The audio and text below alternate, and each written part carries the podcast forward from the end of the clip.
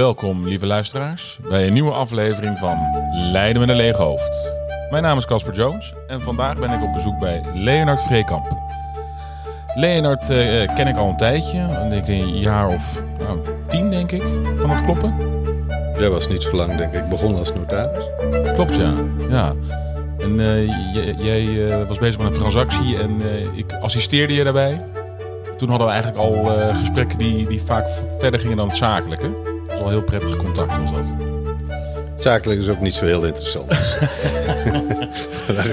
Nee, maar daar, daarvoor kwam je wel bij mij. Dus, dus ik vond het toen al heel prettig om, eh, om inderdaad met, eh, ja, om gewoon wat verder te praten dan alleen zeg maar, de, de getalletjes en de, de lettertjes. Het was heel plezierig. Wat bijzonder was aan dat contact. ehm, jij was natuurlijk de opvolger van mijn oom. Dus dat was voor mij al een bijzondere situatie dat ik niet eh, met mijn oom, Aart Veldhuizen, dat ik daar niet eh, bij aan tafel zat, maar met jou. Maar eh, ehm, wat bijzonder aan dat gesprek is geweest, ik heb toen een groot deel van het bedrijf verkocht. Maar wat wij daar met, ook dankzij eh, mijn toenmalige compagnon, wat wij eigenlijk in denk ik een uur of 24 met elkaar op papier gezet hebben. Dat is daarna zijn die aandelen doorverkocht aan, ik zal geen naam, een hele grote Nederlandse financiële instelling. Die hebben er ongeveer anderhalf jaar over gedaan en ik denk een ton of vier, vijf uitgegeven aan onderzoeken, et cetera. eh, Om exact dezelfde transactie te doen die wij met z'n drieën aan tafel gewoon bespraken en oplosten. Ja, ja en dan, dan zie je dat inderdaad korte lijnen, maar misschien ook wel vertrouwen, dat dat eh, veel sneller werkt dan eh, lange lijnen en misschien ook een gezonde basis van wantrouwen.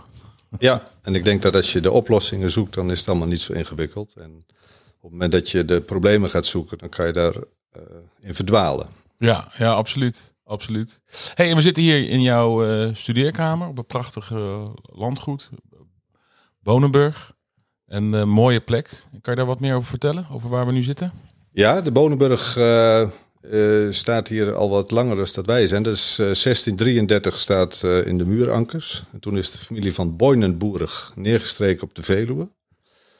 En eh, heeft dat als een buitenverblijf eh, gezien al die jaren. En uiteindelijk is het geworden wat het nu is, met een eh, stuk of 10, 11 eigenaren. En dat is ook wat het voor mij ook bijzonder maakt. Is dat het, ja, je zou zeggen, zo'n landgoed, dat streelt je trots. Maar het doet eigenlijk net wat anders. Het maakt je wat nederiger. En wat, waar zit dat in? Is dat, dat, dat je heel bewust bent dat dat huis al die mensen met hun verhalen voorbij heeft zien komen. En de meeste mensen die kwamen met opgeheven hoofd de trappen op. En met gebogen hoofd verlieten ze het huis weer. En dan kwam de volgende met zijn verhalen. Nou, daar ben ik er één van. en, ehm, eh, maar het is verder daarnaast gewoon eh, heel erg leuk om met zo'n landgoed bezig te zijn. Omdat ik denk zeker in deze tijd wat je allemaal ziet. In landgoed zitten heel veel voorbeelden van eh, hoe je als mens ook zou om kunnen gaan met de aarde en met de wereld. En dat is voor mij ook het fundament. We zijn onze bedrijven die we nu nog over hebben ook aan het omturnen naar de naam Bonenburg. Omdat we daarin ook dat fundament naar voren willen laten komen. Wat zo'n landgoed doet. Daar zit, daar zit zeg maar agrarisch beheer in. Daar zit eh, historie in. Daar zit eh, ook natuur heel nadrukkelijk in. Hè. Dus het slaat niet door. Alles moet in balans zijn. Nou, dat is denk ik ook het allerbelangrijkste. Is dat je dat gaat voelen. Dus daar waar de balans weg is. Dan kan je als mens. Heb je ook een rol om daar wat in bij te sturen. Maar ook daar moet je heel bescheiden in zijn. Want je ziet toch wel dat die natuur ehm, ja, ons wel ver eh, de baas is. Dus, dus ingrijpen is heel vaak ook weer de verkeerde keuzes maken. Dus, eh, maar in dat landgoed zit natuurlijk wel de cultuur. Heel duidelijk, de mens is ook aanwezig. Eh, maar het, maar het, het, het, het helpt ons te aarde. En vanuit dat aarde gaan we dan ook de andere activiteiten doen. En dat is wel leuk misschien om nog even te noemen. We, landgoed is het uitgangspunt, landgoed Bonenburg. Nou, dan hebben wij een Bonenburg vastgoed en Bonenburg deelnemingen. Dat is zeg maar het bedrijfsmatige deel. Maar als we dan weer klaar zijn, dan hebben we nog een vierde tak. En dat is eh Bonenburg maatschappelijk. Dus als we dan wat centjes verdiend hebben, dan gaan we dat weer vervolgens weer de maatschappij voor een deel inbrengen. Dus een deel terug investeren, een deel inbrengen. En die vier met elkaar, daar hopen we dat er dan een balans ontstaat eh, die zeg maar de boel in evenwicht houdt. Ja, mooi. Mooi. Dus een soort, soort, soort eh, circulair systeem, zeg maar, waarbij je, waarbij je, ja, de, wat je zelf ook zegt, hè, de- het landgoed zorgt eigenlijk voor dat je ook gedwongen wordt om de beetje de, de natuur te volgen.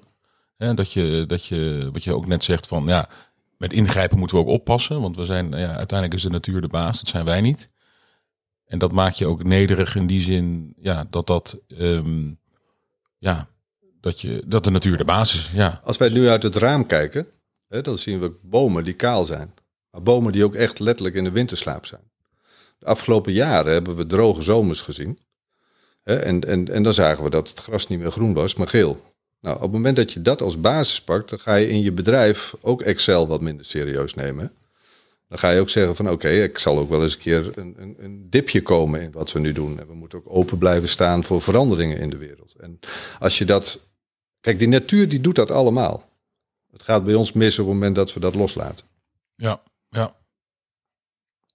Hey, en je, je zei vier takken, dus je, had, je zei over deelnemingen, je zei uh, vastgoed en maatschappelijk. En wat is de derde? Het landgoed. Het landgoed zelf, ja, precies, ja. Hey, en, en we zitten nu in de studeerkamer, dat is ook een uh, bijzondere plek voor je. Ja, um, als je hier om je heen kijkt. Uh, nou ja, dit is natuurlijk sowieso een plek waar bijna 400 jaar geleden ook mensen zaten. Dat, dat, dat, ik, we hebben het wel over gehad, ik weet dat je dat kan voelen. Ik voel dat zelf ook hier. En dat maakt het wel, uh, ja, dat, dat, dat het meer is dan een plek om te zitten. Als jij om je heen kijkt hier, dan zie je ook, uh, ja, dit is voor mij ook wel het, het, het, leven wat zich mee uh, neemt. En dat mijn ouders hier ook een plek hebben, die helaas bij de overleden zijn. Maar ik heb de meest waardevolle spullen van mijn ouders hier ook uitgestald. Ik heb hier boeken die mij interesseren. Ik heb wat schilderijen die ik mooi vind. Maar het is vooral de plek waar ik niet zakelijk actief ben, maar waar ik vooral ook de ruimte zoek om goede gesprekken te voeren. Om te kijken wat er allemaal nog meer is wat je verwonderen kan. Ja, ja en luisteren naar mooie muziek, klassieke muziek op de achtergrond. Ja, heerlijk. Ook mooi. Ja, prachtig. Ja. ja. Hey, en en uh, ja, je noemde al even je ouders. En je, je, had een, uh, je had een hele goede band ook met je ouders, hè? Ja, het is natuurlijk altijd een beetje gevaarlijk, omdat zij uh, nu niet meer kunnen tegenspreken. je kan nu alles zeggen. maar ik durf wel te zeggen dat dat wel een goede band uh, van beide kanten uit was. Waarbij je uiteraard ook periodes hebt gehad dat je elkaar even wat uh, los moest laten om elkaar daarna weer te vinden. maar die ruimte was er ook. Ik, heb, ik, ik, ik voel me heel bevoorrecht met mijn beide ouders, omdat ik echt ouders heb gehad waarbij 1 plus 1 3 is. Mijn vader was dominee, theoloog. Ehm, maar echt een mensenmens. En mijn moeder was zakenvrouw. En, uh, maar zij vonden elkaar in hun geloof. Dus er zat wel heel duidelijk een, een gemeenschappelijk verhaal. Ze gingen samen de wereld in, maar wel elk vanuit hun eigen discipline. En het bijzondere is dat mijn moeder in de opvoeding veel meer het geloof, uh, zeg maar, er, er ja, bijhaalde altijd. En mijn vader eigenlijk pas zodra wij erom vroegen. Ja, terwijl je vader de theoloog was. Ja. Ja, ja, ja. En ook bijzonder dat je eh, moeder de zakenvrouw was en jouw vader, vaak is dat natuurlijk uh, omgekeerd. Ja, dus ik ben opgegroeid met uh, een werkende vrouw. Daarom vind ik dat ik ook wel eens iets mag zeggen over emancipatie en zo. Heel goed. en uh, als ik dan één ding naar voren mag halen, altijd dat ik zeg: mijn moeder zou zich wel eens kunnen omdraaien in haar graf als ze ziet waar nu die emancipatie uh, vooral naar buiten komt. He, zij heeft gevochten echt nog in een tijd dat er bijna geen vrouw uh, werkte. En, maar zij wou vooral laten zien wat haar capaciteiten waren. En alles als positieve quota en alles nou, wat we om ons heen zien, dat verafschuwde ze. Want ze zei, je haalt ons juist daarmee naar beneden. En wij willen geen halve man worden, we willen niet gelijkwaardig zijn, wij willen vrouw zijn en als vrouw onze rol spelen in het geheel. En, en ja, nou ja, even, ik, ik, ik hoef niet te oordelen. Hè, dat, is niet, dat is niet mijn rol. Maar ik, ik neem die gedachte van haar wel altijd mee in de discussies die ik nu zie. En dat ik gewoon denk, joh, laten we gewoon allemaal gewoon ons beste beentje voortzetten en zien waar dat dan uh, zeg maar uiteindelijk in belandt. En al die positieve discriminatie en alles wat je noemt, daar komt altijd weer een tegenstroming op. En dat vind ik jammer. Ja. Want ik, ik vooral, ik weet hoe mijn moeder, hoe oprecht ze daarvoor gevochten heeft. En ook echt hard heeft moeten vechten in een tijd dat dat allemaal niet zo vanzelfsprekend was. Nee. En, en, wat voor zaken deed zij? Was, uh, wat voor, uh... nee, mijn moeder is zelfs ooit zakenvrouw van het jaar geweest. In in 1990. En uh, nou, ze had autobedrijf en oliehandel. Dat was de voornaamste activiteit. Echt een mannenwereld. Maar zij stond haar mannetje. Ik weet niet of je dat tegenwoordig nog zo mag zeggen eigenlijk. Maar, ja, maar, ja. zij stond haar vrouwtje. een mannetje en vrouwtje. En, en nog heel veel andere type mensen. Ja. En uh, oké, okay, ja, ja. En, en um, ja, en, en had ze dan ook heel veel mannelijke energie of ging ze echt vol in die vrouwelijke energie staan? Of hoe werkt het dat dan? Nou ja, zij zei bijvoorbeeld van één ding, jongen, ga jij nooit meemaken en dat is moeder worden. Dus je kan nog zo je best doen en van alles bereiken in je wereld, maar het gevoel om moeder te kunnen worden, een kind in je te dragen, ga jij nooit meemaken. En, en, en dus ze was zeker op een top vrouw en, en, uh, en moeder. Ondanks dat ze ook veel gewerkt heeft, maar de deur voor ons stond altijd open.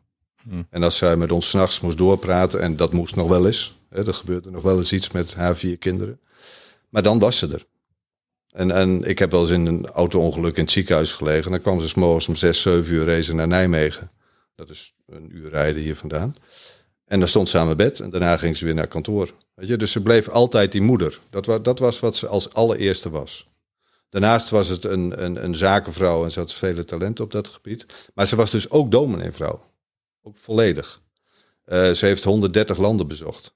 Dus het was ook nog een vrouw die reislustig was. Uh, maar ze, en ze zag haar medemens ook. Ik, ik, van de week vertelde ik op bedrijf nog een voorbeeld. Dat, dat uh, we zijn bezig met onze maatschappelijke dingen. Hoe vul je dat dan in? Wat is dat dan?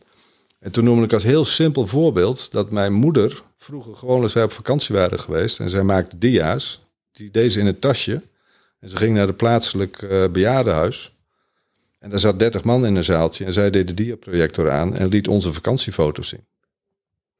En ik weet nog als jochie dat ik dan wel eens meeging en dat ik dan de blijdschap bij die mensen zag. En ja, dat was in mijn ogen maatschappelijk bezig zijn. Ja. We maken het tegenwoordig heel groot en heel ingewikkeld, maar zij gaf die mensen aandacht. Ja, prachtig. Ja, wat je zegt, gewoon verbinding maken. Hè? Ja. ja. En, en ik denk dat we het zo simpel moeten zien. Ik heb een ander verhaal, mijn, mijn oud buurvrouw, helaas, uh, die haal, nodigde één of twee keer in de week uh, een oude buurvrouw of een oude buurman uit om te eten. En zij zei altijd ja, of ik voor vijf mensen kook of voor zes. Ja, dat gaat automatisch. Het enige wat we even moeten doen, tien minuten die man-vrouw ophalen en weer terugbrengen. Maar als je het dan omdraait en je zag wat dit betekende voor die vrouw of die man, dat ze één of twee keer in de week een moment hadden waar ze een glaasje wijn kregen en, en een maaltijd. Ja, zo simpel is het. Maar een grote cadeau kon je die mensen niet geven hoor. En ik denk dat we daar dus weer, uh, ook wij onze maatschappelijke invulling zullen gaan zoeken. Niet in hele hoogdravende dingen, maar gewoon ons medemens zien. Ja, kleinschalig, ja. medemens zien, aandacht. En er echt ook zelf zijn. Ja. Ja. Dat verplicht je dan overigens ook zelf dat soort stappen te zetten. Ja, precies. Want, want we praten natuurlijk graag over allerlei dingen, ik ook. Maar het betekent dat je dus ook zelf dit soort dingen moet gaan doen. Ja. Ja, en, prachtig dat jouw moeder dat al dus op uh, ja, dat al destijds deed als ja, vanzelf. Of in ieder geval dat ze de oog had voor de andere mensen. Dat je dat dus ook als voorbeeld mee hebt gekregen. Ja, van mijn beide ouders. En ik moet zeggen, daar ligt de lat hoog. Nou, dat is een mooie uitdaging, uh, Leonard. Ja, maar ik moet het maar niet als een uitdaging zien, want uh, dan verlamt het wellicht een beetje. Oh ja. Dus laten we het maar op onze eigen manier Ja, nou ja, dat is denk ik sowieso het belangrijkste. Ja. Hey, en en ehm, je vertelde ook wel eens dat je ook wel uh, wijze ouders hebt gehad. Hè? Dat vind ik ook altijd wel interessant, of niet wel mooi. Dat, je vertelde ook een keer een verhaal. Kan je eens vertellen over toen je ging studeren? Nou, toen dat stopte, denk ik bedoel. Ja, toen het stopte inderdaad. Ja, jij hebt volgens mij ook niet heel lang gestudeerd, toch? uh, uh, ja, ik, ik had eerst een andere vraag gesteld. Van wie ben jij om te kunnen beoordelen dat je ouders wijs waren? Maar... nee, nou ja, laat maar gaan naar, naar jouw andere vraag. Uh, ik heb inderdaad gestudeerd. Ik heb vier scholen gehad voordat ik mijn VWO had afgerond. En uh, nou, toen ging na diensttijd ging het avontuur beginnen in Groningen. En dat voelde niet goed. Misschien was ik wel gewoon te lui hoor, maar, maar er was echt wel ook iets anders. En dat was dat het niet goed voelde. En waar zat dat in? Is dat ik uh, toen al voelde, maar ik kon het minder onder woorden brengen. Maar dat dat ik echt vol verbazing zat te kijken wat we aan het doen waren. En dat was de praktijk totaal in dienst stellen van de theorie. En ik voelde mij praktijkmens. Ik, ik, ik was als chauffeur geweest en dat soort dingen. Dus ik, ik kwam uit die praktijk. En in één keer ging alles over theoretische benadering, over wetenschap en dat soort dingen. En ik dacht van jongens, als ik niet oppas, raak ik het spoor bijster. Word ik gegijzeld door, door een, een, een wetenschap die alles beargumenteerd en theoretisch maakt. En, en raak ik mijn gevoel kwijt. Nou, ik weet dat ik op een zaterdag bij mijn moeder kwam en dit uitte. En ze keek me aan en ze zei inderdaad gewoon direct: Jongen, weet je, weet je wat jij moet doen? Maandag je spullen inleveren. En ik zal zorgen dat er dinsdag een vrachtwagen voor je klaar staat. En je begint maar te werken. Je wil de praktijk. Dan zul je hem zien ook. Ja. ja, en ik, vond het, ik vind het wel bijzonder. Want ik denk, als ik uh, projecteer nu op mijn eigen kinderen of ook in, in mijn omgeving, dan denk ik dat, dat, veel ouders zouden zeggen, nou, ga, ga nog studeren is belangrijk en ga dat vooral doen. En uh, weet je, dat, dat, dat, dat, dat jou, in dit geval jouw moeder, al meteen aanvoelde of in ieder geval zag van, oké, als dat is wat je wilt, dan, dan dus eigenlijk dat ze jouw energie volgden. Ja, wel, bij, je dit dus van twee kanten moet zien. Hè? Kijk, mijn moeder is ook op de 17e gestopt met school. Mijn opa was heel jong gestopt. En die hebben ook altijd gehoord van ja, dat kon vroeger, maar nu niet meer. En dat heb ik ook gehoord. Hè? Alleen aan de andere kant had ik een vader waarvoor zijn studie alles was. En hij had vier kinderen die allemaal het VWO gehaald hebben en geen afgestudeerd. Ja. En, en dus voor mijn vader daarentegen was dat natuurlijk ook wel weer ergens soms een bittere pil. En, en, en, maar hij kon het wel begrijpen hoor. Dus het is nooit een probleem geweest. Maar ik moet je zeggen, ik heb nu ik heb vier kinderen zelf ook. En mijn oudste twee zitten ook op die fase van studeren. En mijn dochter is inmiddels ook gestopt. Dus, dus ik, los van dat je het waarschijnlijk overbrengt. Maar ik vind het ook totaal niet erg dat ze gestopt zijn. Ik zie in de wereld veel meer problemen van het theoretiseren van de wereld. dan van het in de praktijk dingen brengen. En ik, ik moet wel zeggen, er hoort wel één ding bij. En dat is wel actief zijn. En wat actief is, dat laat ik staan. Kijk, het is natuurlijk niet, ik wil niet leren en dan doe ik vervolgens niks en ik ga een beetje hangen, Netflix en dat soort dingen. Dus, maar als jij actief in de wereld staat, wat dat dan ook is, maar je doet iets met je leven, dan heb je vandaag de dag zeker nog steeds geen studie nodig. Maar het is allemaal individueel. Er zijn natuurlijk mensen die het wel heel goed past en die daar ook een rol in de wereld vervullen met die kennis. Maar ik denk wat een beetje doorgeslagen is, dat, dat nou ja, je bent tegenwoordig intelligent, als je een studie hebt afgerond. Dat is een beetje door elkaar gehaald. Er zijn, zijn soms mensen die nog nooit een boek gelezen hebben waar je zo verschrikkelijk veel van kan leren. Omdat die nog ja, dicht bij de basis staan, zeg maar. En ik denk dat het de kunst is dat we alles in een goede mix hebben. Dus ik heb soms mensen nodig die gestudeerd hebben, die kennis hebben. Maar misschien andersom ook wel eens. Ja, ja. Ja, en, en wat je net zei, hè, dat, dat uh, de praktijk in dienst staat van de theorie. Dat is eigenlijk ook iets wat we, uh, dat, dat we al om, ons heen zien. Hè, dus of, of het nou gaat over voedsel of over uh, andere thema's in de wereld. Dat de theorie eigenlijk veel te dominant is. Ja, en het is theorie. Ja, precies. Het, is, het, beschrijft zeg maar de praktijk, maar de praktijk is er gewoon. Dus jongens, laten we vooral naar die praktijk gaan. Nou ja, als je nu bijvoorbeeld zo'n discussie over boeren ziet. Hè, ik, ik woon op, in Heerde, hè, dus, dus op de Veluwe, waar nu natuurlijk heel actueel is. Ik blijf het zo verschrikkelijk bijzonder vinden dat dat, dat in Den Haag beslist wordt. En ik hoor van al die boeren, waarom komen ze niet een keer gewoon met ons praten? Want wij staan open voor veranderingen. Wij staan open voor dingen, maar niet wat jullie nu doen.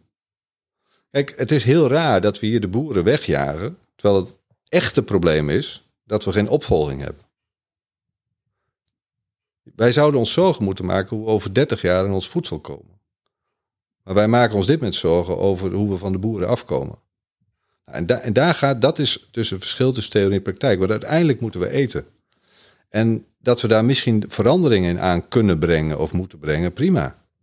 Maar ik weet niet wat de grootste stad is die jij ooit in je leven gezien hebt. Voor mij is dat geloof ik Sao Paulo.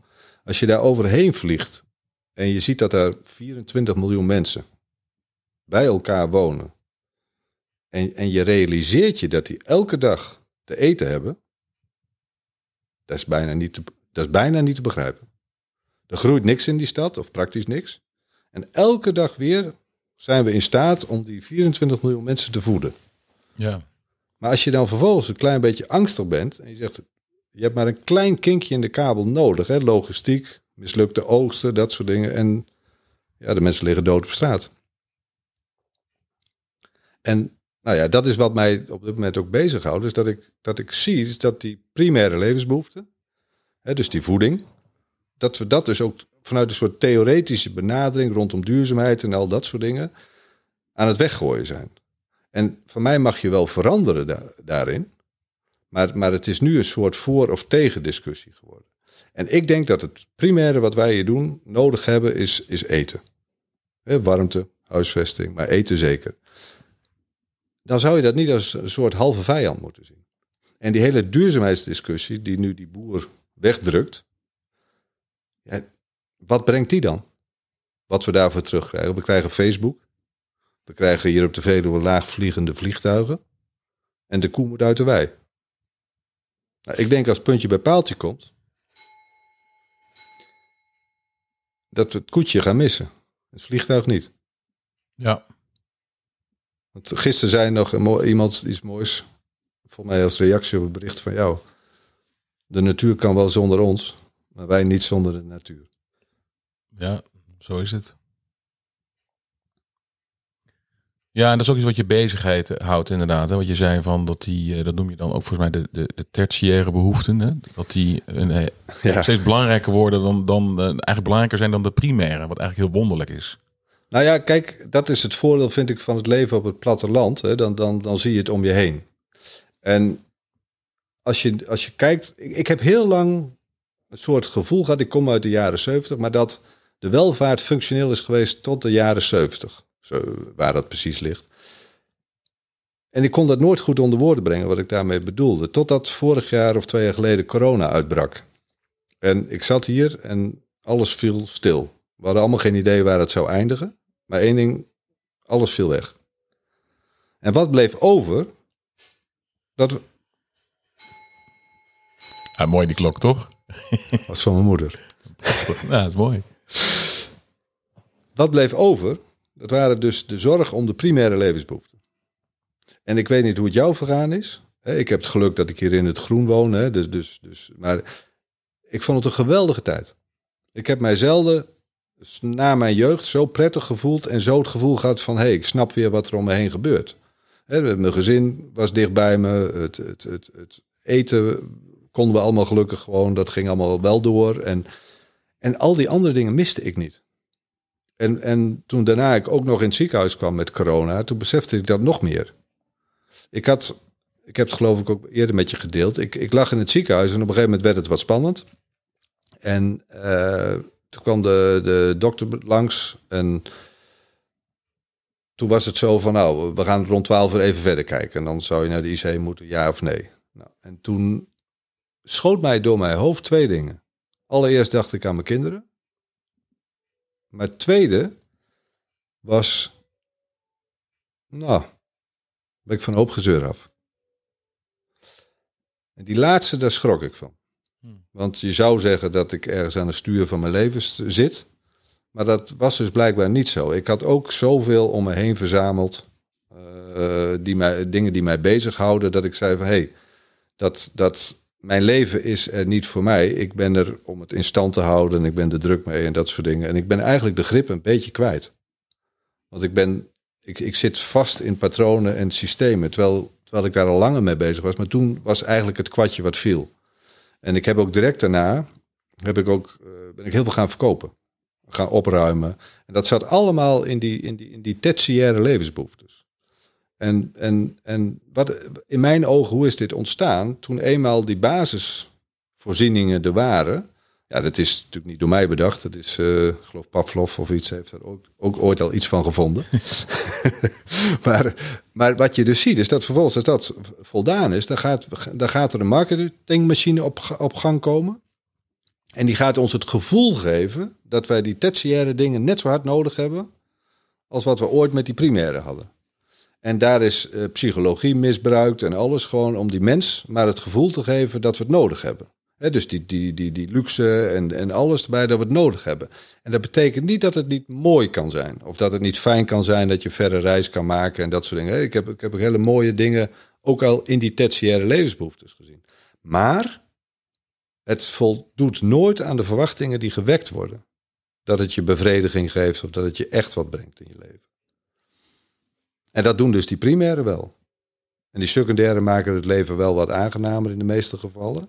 Maar die tertiaire kan je je zelfs afvragen, dan moet iedereen maar individueel beoordelen, of het je leven niet zelfs verarmt. Ja. Afleidt van dat waar het echt over gaat. Ja, kijk, een, uh, voor mij, de, deze podcast heet Leiden met, met een leeg hoofd. En ik voel zelf heel erg dat als ik, hoe meer ik zeg maar uit mijn hoofd kom, en wat meer in mijn lichaam of in mijn hart, dat ik inderdaad die, die ruis, om het zo maar te zeggen, dat ik dat ook steeds minder, steeds beter doorzie. En ook steeds minder opzoek. Dus ik ben steeds meer in staat om uh, echt het nieuws links te laten liggen. De, mijn iPhone uh, uh, op gezette tijden gewoon heel, ook links te laten liggen. Zodat er echt ruimte is voor verbinding. Dat er ruimte is voor... Ehm, ja, want ik denk dat dat ook misschien nog bij het lijstje kan. Primaire levensbehoeften, verbinding. Dat, dat, dat dat ook zo belangrijk is dat we in verbinding zijn. En, en, en... Ik denk ook zelfs dat hij erin staat, Kasper. Want gezelschap en dat soort dingen hoort erbij volgens mij. Ja, precies. Precies, ja. Nee, dat hoort, hoort er zeker bij. En inderdaad, en die, die, die tertiaire behoeften, hè, als, je dan, als je dan Facebook hebt en LinkedIn en, en allemaal dat soort uh, platforms, die geven natuurlijk een soort illusie van verbinding. Maar het is natuurlijk niet de verbinding zoals wij nu hebben met elkaar praten. En laat zei iemand ook heel mooi tegen mij van, ja, als ik, als ik tegen jou zeg dat ik tegen een, boom praat, dan zou je denken dat ik gek ben. Maar er is uitwisseling tussen mij en die boom. Dat, dat kan je gewoon voelen. Net zoals wij nu met elkaar zitten, we praten met elkaar, maar ik voel ook dat er uitwisseling is, zeg maar, qua energie of hoe je het ook wil noemen. En dat is natuurlijk zo belangrijk in, uh, in het gezelschap en in de, in de sociale context en de verbinding. Dat we dat, uh, ja, we kunnen het niet zien, we kunnen het, maar het is er wel. Ik, ik vind, jij bent laatst uh, bij me geweest hier. Hè? We hebben ook gewandeld bij uur of vijf, denk ik, zo'n beetje hier geweest. Ik, ik wil eigenlijk ook niet meer dat mensen een uurtje langskomen. Dan heb ik het niet over vrienden die dagelijks over de vloer komen. Maar als ik met, met iemand afspreek om elkaar eens beter te leren kennen, dan heb ik er ook minimaal vier uur voor nodig. Want anders ga je geforceerd je riedeltje doen. En als je, als je het op je af laat komen en, en ook stiltes kan laten vallen, dan kan, je, dan kan je elkaar vinden. En anders praat je eigenlijk toch langs elkaar heen. En dat is bijvoorbeeld zakelijk ook. Ik heb ook jaren meegemaakt dat ik zes, zeven afspraken op een dag had. het is totale larikoek. Het kan helemaal niet. Als jij één goed gesprek op een dag hebt, misschien twee, en je zorgt dat, dat, dat die verbinding er is. Ik, ik, ik, als je bijvoorbeeld praat over zaken doen en hoe doe je dit en hoe bereid je het voor, al die vragen heb ik in mijn leven al gehad. Ik nou niet. Het enige wat ik zoek in dat gesprek is verbinding. En als wij die verbinding hebben, en we refereerden net naar die verkoop van die aandelen, als die verbinding er is en het vertrouwen is er, is de rest alleen maar even uitwerken. Maar als je begint met uitwerken en er is geen vertrouwen, ja, ben je een jaar later nog aan het uitwerken. Ja. Dus, dus wat heb je nodig is, is verbinding, vertrouwen en een lach. dat werkt ook altijd goed, ja. ja. Absoluut, ja. Ja. ja. Maar dat, dat was mijn vader hoor. Mijn vader was echt een verbinder. Dat was heel bijzonder. Die kon, elk ijs breken. En als ik iets, iets van hem mag zeggen, mijn vader was dus predikant, maar die uh, heeft dus ook uh, uh, best een hele moeilijke rol gespeeld. Want hij was namelijk uh, de contactpersoon binnen de kerk met, met Israël. En dat is een gevoelige dialoog dat, dat gaat dan over wel of niet Jezus erkennen en dat soort zaken. En toen hij overleed, merkte ik dat er heel veel warmte was, ook binnen de Joodse gemeenschap, voor mijn vader. Die, die, die intrigeerde mij. En toen ben ik uh, daar natuurlijk ook vragen over gaan stellen. En, en wat, wat een rabbijn op een gegeven moment tegen mij zei, hij zegt, ja, de meeste voorgangers, of nou, niet niet per definitie de voorgang van vader, maar, maar andere mensen die de rol van mijn vader vervulden, die kwamen ons toch uiteindelijk altijd weer bekeren. Hij zeggen, jouw vader kwam vragen stellen. En daardoor konden wij hem ook vragen stellen. En er ontstond een dialoog. En, en hij probeerde ons niks te vertellen. En wij probeerden hem niks te vertellen. Maar we vertelden elkaar wel heel veel. En daar ontstond uiteindelijk een verbinding waarin wederzijds respect ontstaan is. En toen ontstond er ruimte om elkaar ja, te benaderen. Maar elke keer laten staan dat die ander de ander is en dat jij jij bent en dat dat goed is. En als je vragen stelt, en toevallig staat het ook in het boek van hem, dat hij zei van, als het moeilijk is of het is delicaat, hè, het tegenovergestelde van wat we nu doen met polariseren, is dat je moet zeggen, ik zoek vandaag met jou geen antwoord. Wij gaan samen vragen stellen.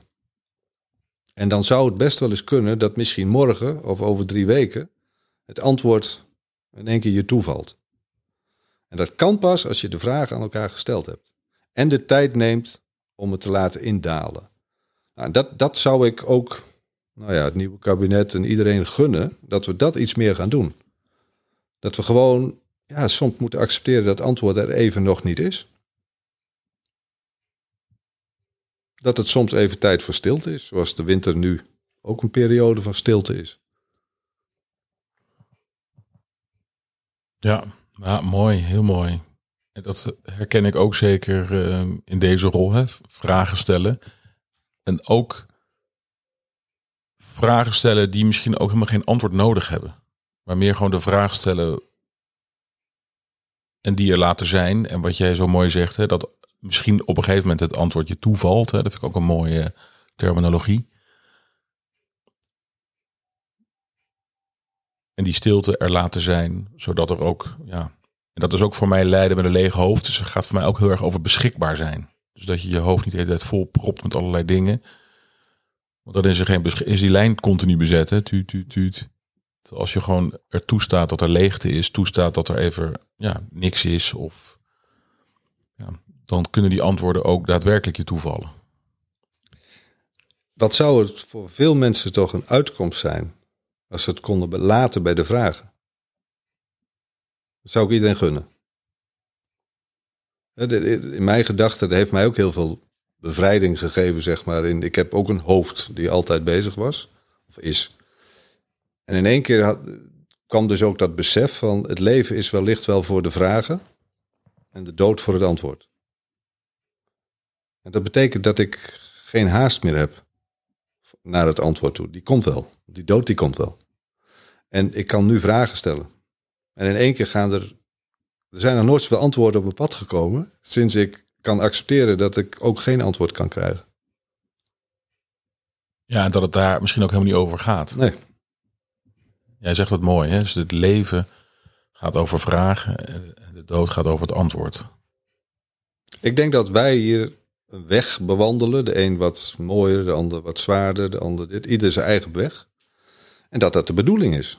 Dat je dat. dat ik heb ook moeilijke jaren wel gehad. Ik ben gescheiden, uh, een kindperiode niet kunnen zien daardoor. Of dat vond zij lastig. En nou ja, dat doet heel veel met je. Dat, dat, dat, dat, dat vreet in je. En toen, toen, toen, dan voel je ook wel eens boosheid. Dat je denkt, waarom overkomt het? Houdt het nou nooit op? Toen verongelukte mijn vader. Uh, nou ja, op een gegeven moment denk je, het houdt nooit meer op. Wie, wat heb ik misdaan hè, in een vorig leven dat ik dit allemaal moet meemaken? Dat, dat krijg je een soort zelfbeklag. En toen kwam een broer van mij naar me toe en die zei: Ja, Leonard, weet je, als je zoveel voor je kiezen krijgt, dan zou je het wel aankunnen. En gek genoeg was dat in één keer de bevrijding. Dat ik dacht van, en misschien is dat wel een beetje mijn prestatiedrang hoor. maar, maar in één keer voelde ik van, ja, weet je, die pijn of die dingen die je tegenkomen, dat is juist om te overwinnen. En daar zit juist, en als je het overwonnen hebt, ja, dan heb je in één keer weer heel veel erbij. En, en, en nou ja, dat zijn standaard uitspraken, wat je niet dood maakt je sterker, maar dat ga je dan ook echt ervaren. En, en uiteindelijk denk ik dat, dat, ik had het met mijn zoon mijn oudste zoon gisteren over dat als je de berg niet op wil klimmen, ga je nooit het uitzicht boven op de berg zien. Dus ja, die klimtocht is wel eens zwaar. Maar daarvoor krijg je het uitzicht weer. Ja, moet je ook, ja, moet je eerst klimmen inderdaad, ja. Eerst... Uh... Nou ja, datzelfde gesprek met mijn zoon gisteravond ging over, uh, over dit soort dingen. Dat is mooi hè, als je dan een kind hebt, in dit geval eentje van 19, en die gesprekken komen op gang. De puberteit wordt wat minder belangrijk en je gaat in één keer steeds meer die volwassen gesprekken voeren. En daar ging dus ook over dit soort dingen. En dat hij op een gegeven moment dat we ook over hadden van kijk nou eens om je heen. Wat zijn de mensen waar je het meest aan hebt? Die zelf niks hebben meegemaakt of die veel hebben meegemaakt. En dan ging die zo ook zo'n rijtje af hè, in zijn gedachten. En ja, ook hij moest concluderen dat pijn eigenlijk iets, ook weer iets moois biedt. Want een mens wordt rijker van pijn en van iets wat hij moet meemaken. En, en het voor een ander kunnen zijn, kan ook soms makkelijker als je zelf pijn gehad hebt. ik, ik gebruik wel eens het voorbeeld toen mijn vader verongelukte. Voor die tijd, als ik iemand moest condoleren, dan probeerde ik een fijne zin te zeggen. Dat had ik dan in mijn hoofd, hoe kan ik iemand troosten? Maar het, het, was oprecht goed bedoeld, maar ik zocht. En toen verongelukte mijn vader. En vanaf dat moment, als ik iemand condoleer, die ik ken, zeg ik niks meer. Want als we elkaar aankijken, dan weten we wat het is. En als ik die pijn niet zelf gevoeld had, kon ik dat niet uitstralen. Dat ik het weet. Want dan wist ik het niet. Nee. En dan word je misschien ongemakkelijk. En omdat je denkt van ik moet wat zeggen. En ja. Dan voel je van nee, maar daar, daar. Eigenlijk is het misschien weer. Er is geen antwoord of zo. Wel? Ja, het mag er zijn. Het is er. Het is dan goed. En dat betekent dus niet dat iemand die het niet zelf heeft meegemaakt, niet welgemeende condolences kan aanbieden hoor. Dat, dat, Laat ik dat, dat ook even duidelijk benadrukken. Want ik heb hele mooie reacties gehad. Maar het moment dat iemand diezelfde pijn gevoeld heeft, dan hoef je geen woorden te gebruiken. Nee. Hey, en, en, een woord wat, uh, wat jou. Uh, maar, wat maar het woord verwondering, hè, dat is een, woord wat jij. Uh, ik weet niet of je dat al jaren zeg maar, gebruikt of bezighoudt. Maar in ieder geval, dat is iets wat jou bezighoudt. Niet eens het woord, maar gewoon meer de, de daad van verwondering misschien meer. Ja, uh, nou verwonderen is zeker een heel belangrijk woord. Dat, dat, uh, kijk, ik ben natuurlijk opgegroeid in die christelijke traditie. Uh, dat is mijn opvoeding. Ik noem het ook altijd de God van mijn ouders. Ehm, maar ik heb daar wel erg mee geworsteld. Want ik vond mensen die zeiden bekeerd te zijn en zo nou niet het meest aanlokkelijke. Ik vond dat het leven dan toch wel heel veel glans verloor, zeg maar. Terwijl de bedoeling was dat je dan blij was, maar ik zag dat niet altijd. En dat betekende, ik durfde bijvoorbeeld als kind ook de Bijbel niet te lezen, want ik was als de dood dat, me dat zou overkomen. En uh, ik dacht van, nou, ik moet eerst nog andere dingen doen. Maar het is ook niet gebeurd tot op de dag van vandaag niet. Ik, ik heb nog steeds die, die is, is mij dat niet overkomen. Ik heb een periode uh, dat ik ook de kerk wel wat terug heb toegekeerd, zeg maar. Hè? Dus dat ik, ik ben niet zozeer atheïstisch geworden, maar ik, ik, ik voelde er ook niet zoveel meer bij. En later in mijn leven, gelukkig nog met mijn vader voor zijn dood, gingen die gesprekken in ieder geval, werd het weer interessanter van wat is er nou in de wereld. En toen kwam dat woord verwondering naar boven. Hè? En dat ik zei van joh, als ik één ding niet wil, is het in een hokje stoppen. Voor mij moet er ruimte zijn voor iedereen, voor alles. Mijn vader heeft ook uh, zeg maar het heidendom onderzocht, dat dat in de mensen zat, het geloof, de joden. De, maar hij heeft ook honderd landen bezocht en heeft ook andere culturen gezien. Kon ook niet ontkennen dat die bestonden en dat soort dingen. En heeft dat ook niet willen ontkennen. Maar voor hem bleef dat geloof staan. Voor mij is dat wat minder te duiden. En daar komt dat woord verwonderen naar boven. Dat ik ook zeg van kijk, één ding blijft staan. Dat het een godswonder is wat hier gebeurt. En uh, daarvoor gebeuren te veel dingen in je leven. Als je ervoor open staat dat je zegt, ja, het is bijzonder. En het geeft mij ook de ruimte om niet zozeer in hokjes te denken. Dus mezelf niet in een hokje te plaatsen, maar ook andere mensen niet in hokjes te plaatsen. Dan hoeft het ook niet voor of tegen te zijn. Dan kan je met elkaar je verwonderen. En dat is denk ik de ruimte die ik ook zoek in mijn leven om niet uh, in een eng portaaltje terecht te komen. En het, en, het, en het opent zelfs dan vele deuren. En ehm, ik merk dat, dat de meeste mensen zich verwonderen. En als je, als, je, als je daar dus met elkaar over praat, kan je elkaar ook vinden. En dan is het ook al heel snel niet meer elkaar overtuigen, want iedereen heeft namelijk zijn eigen verwondering. En dan kan je elkaar rijker maken met je gedachten. Ja, mooi. Heel mooi. Ja. Kijk, wij hebben, als je praat over je, je groeit op als domineeszoon, dan krijg je dat natuurlijk ook veel voor je kiezen. Uh, vandaar dat de meesten ook wat opstandig zijn. Maar uiteindelijk kan je er niet meer onderuit dat je erin opgevoed bent. Kijk, je, je hebt dat meegekregen als kind, je bent erin opgevoed. Dus, dus vandaar die term God van mijn ouders. Maar voor mezelf mocht die later zeg maar gewoon breder worden. En, en, en, en uh, heeft het mij gewoon, gewoon geholpen om ook structuur aan mijn leven te geven. Als je kijkt dat we. Uh, mijn vader zei bijvoorbeeld in een van zijn laatste toespraken van pakte hij een Bijbel en toen zei hij laat het altijd een vreemd boek blijven. Eigen hem je niet toe. Nou, daar gaat volgens mij in mijn ogen veel te veel mis in de wereld. Dat mensen met een beperkt verstand. Hè, want als God bestaat, ja, dan is hij zoveel groter dan ons. Dat het bijna onnozel klinkt als je zegt: Ik weet het.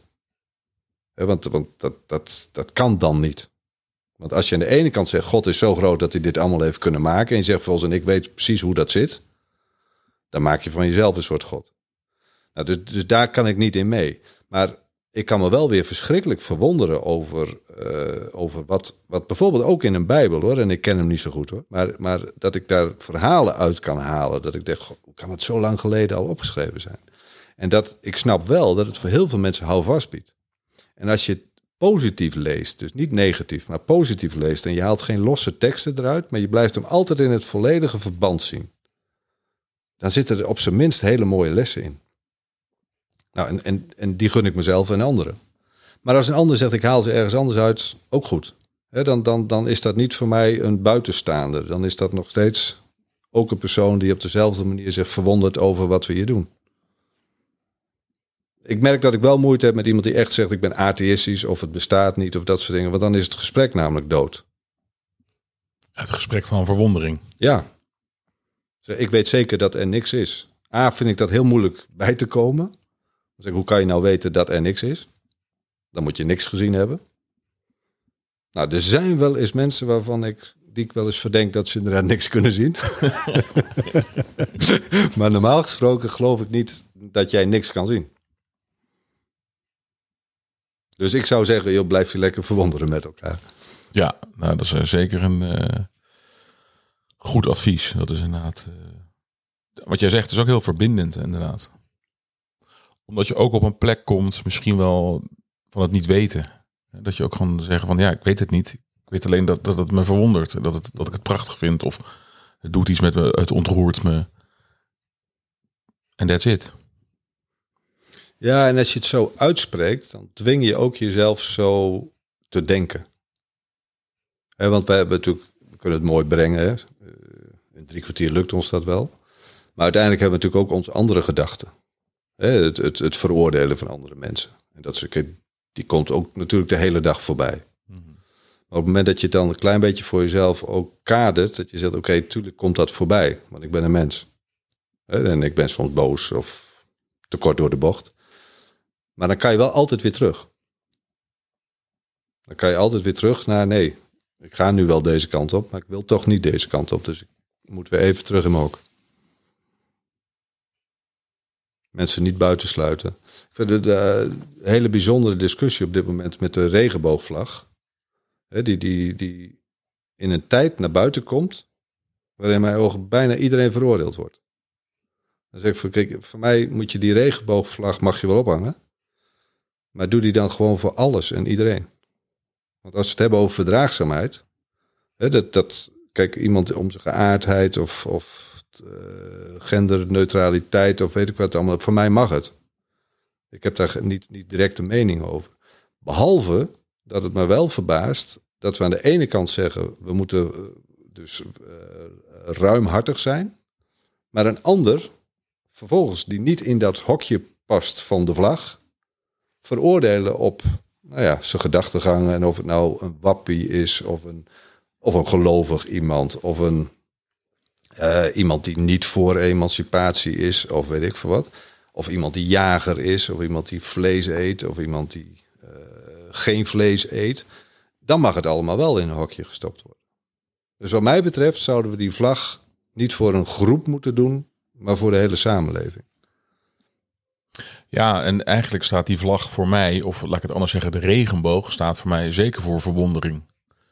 Ik heb wel eens momenten als ik een regenboog zie dat ik echt gewoon tranen in mijn ogen krijg. Dat ik echt denk, wat is het echt een mirakel dat, dat deze regenboog hier uh, is. Nou ja, en die regenboog is er voor iedereen.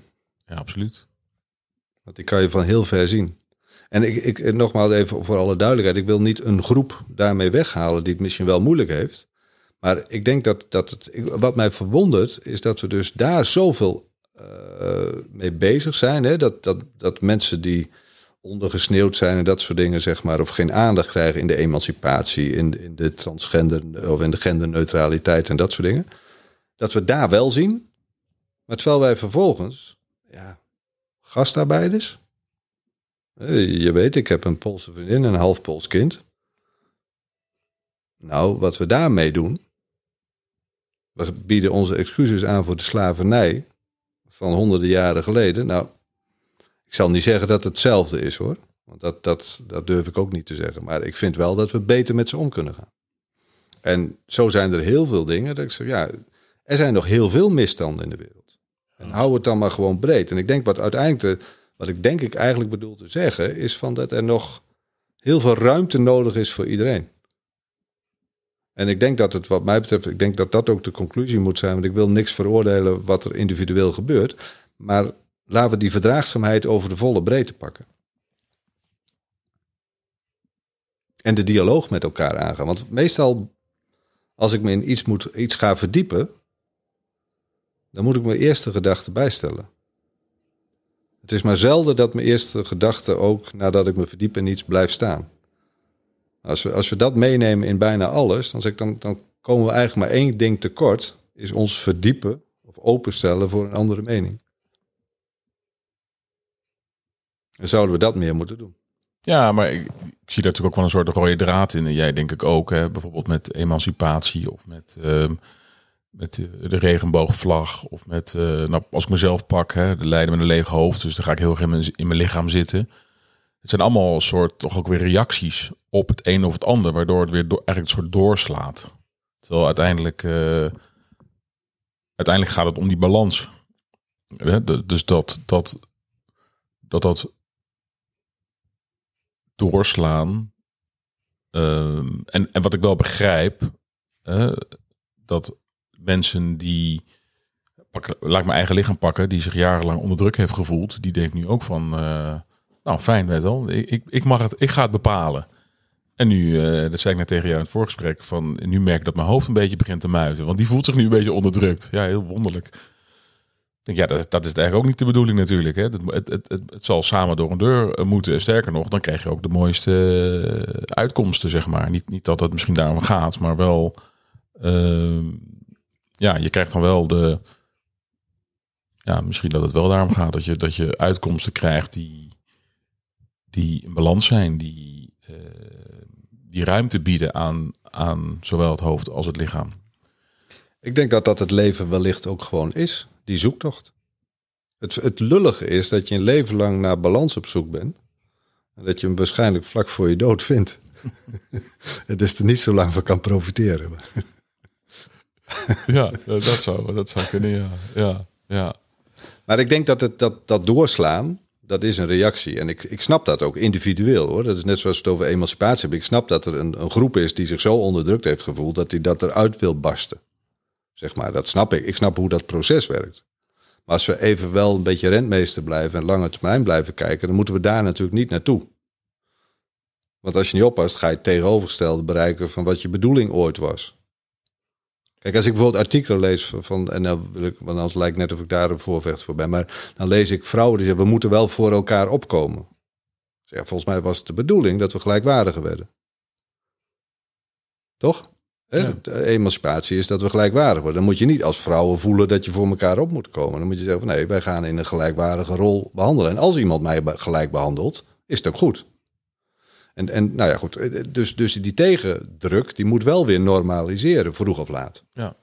Nee, tuurlijk, want anders krijg je weer eh, de, de, de, de, man- de emancipatie, of hoe je het ook wil noemen. Ja, voor je het weet wordt de man onderdrukt. Ja, precies. Dus, dus het is een soort pendulum als je niet oppast. En uiteindelijk, ehm, ja, en, en, en daar hebben we het ook even over gehad. Die, die, aan de andere kant, die polariteit zorgt natuurlijk ook voor bepaalde dynamiek die je ook weer vooruit stuwt. Mhm.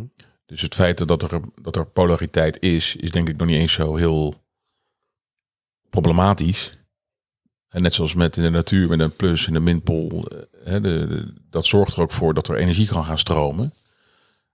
Maar dat, dat, maar dat, dat vergt wel dat een, dat een vrouw volledig eh, in haar energie en kracht gaat staan. En een man volledig in zijn energie en kracht. En dat zijn per definitie, even generaliserend, verschillende type mensen. Eh, ieder mens is anders, maar de, de mannen. En dan kan die natuurlijke polariteit ontstaan, zeg maar.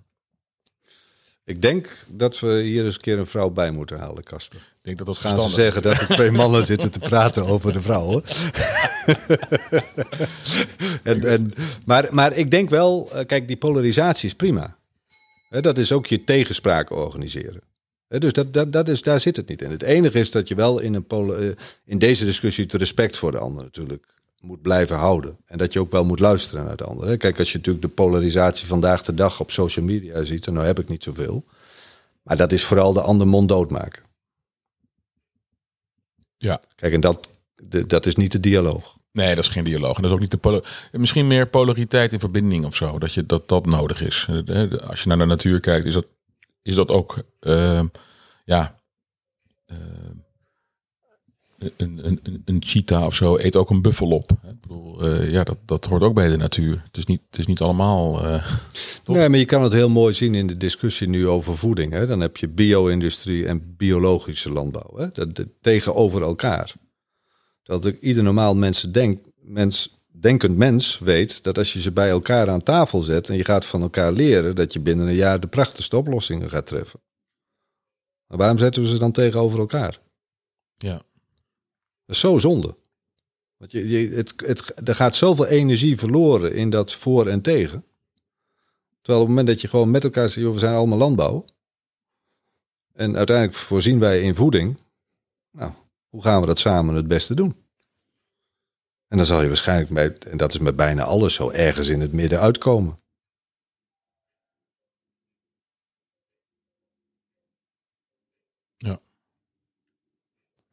Maar ja, we zijn het wel over eens dat in ieder geval dialoog en verbinding daarmee.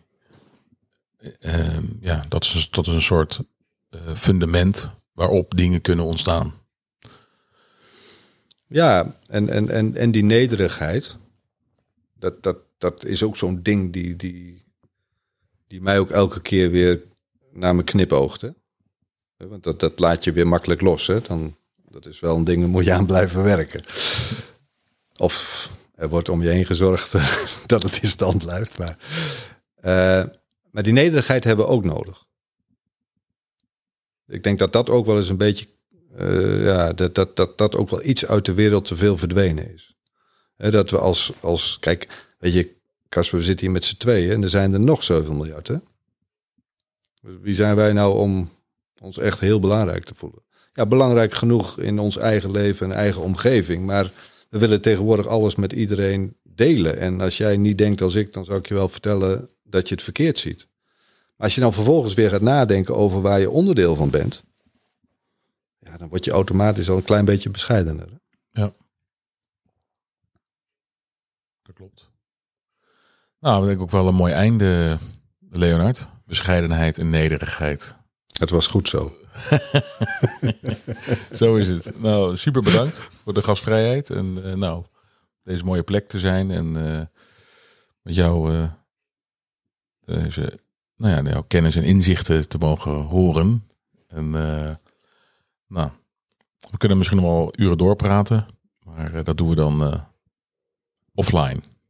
Gaan we doen. Yes. Ik eh, zal nog één uitsmijter in dit verhaal. Dat op het sterfbed van mijn opa, waar ik ook bij zat, ging het over loslaten. En dat is in die bescheidenheid is loslaten. Dus accepteren dat je niet alles kan beïnvloeden. Dat soort dingen. Waarop mijn opa, en een van zijn laatste woorden, loslaten, jongen. Dat is hard werken. Ja, daar ben ik het helemaal mee eens. hey, super bedankt. En uh, ja, mooi. En uh, nou, deze aflevering laten we ook maar los.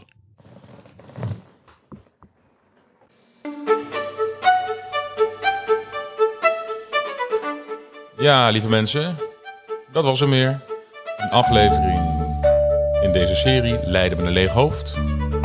Prachtige locatie op landgoed Bodenburg. Een mooi gesprek met Leonard Vreekamp. En heb je hiervan genoten? Luister dan ook naar mijn andere podcasts in deze reeks. Waarin ik mensen spreek die een diepere gevoel durven te volgen. En dat ook weten om te zetten in daden.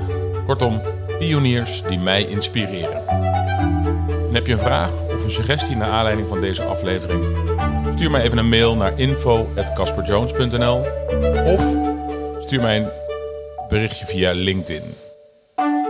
Graag weer tot de volgende keer en veel groeten vanuit een zonnig Mallorca.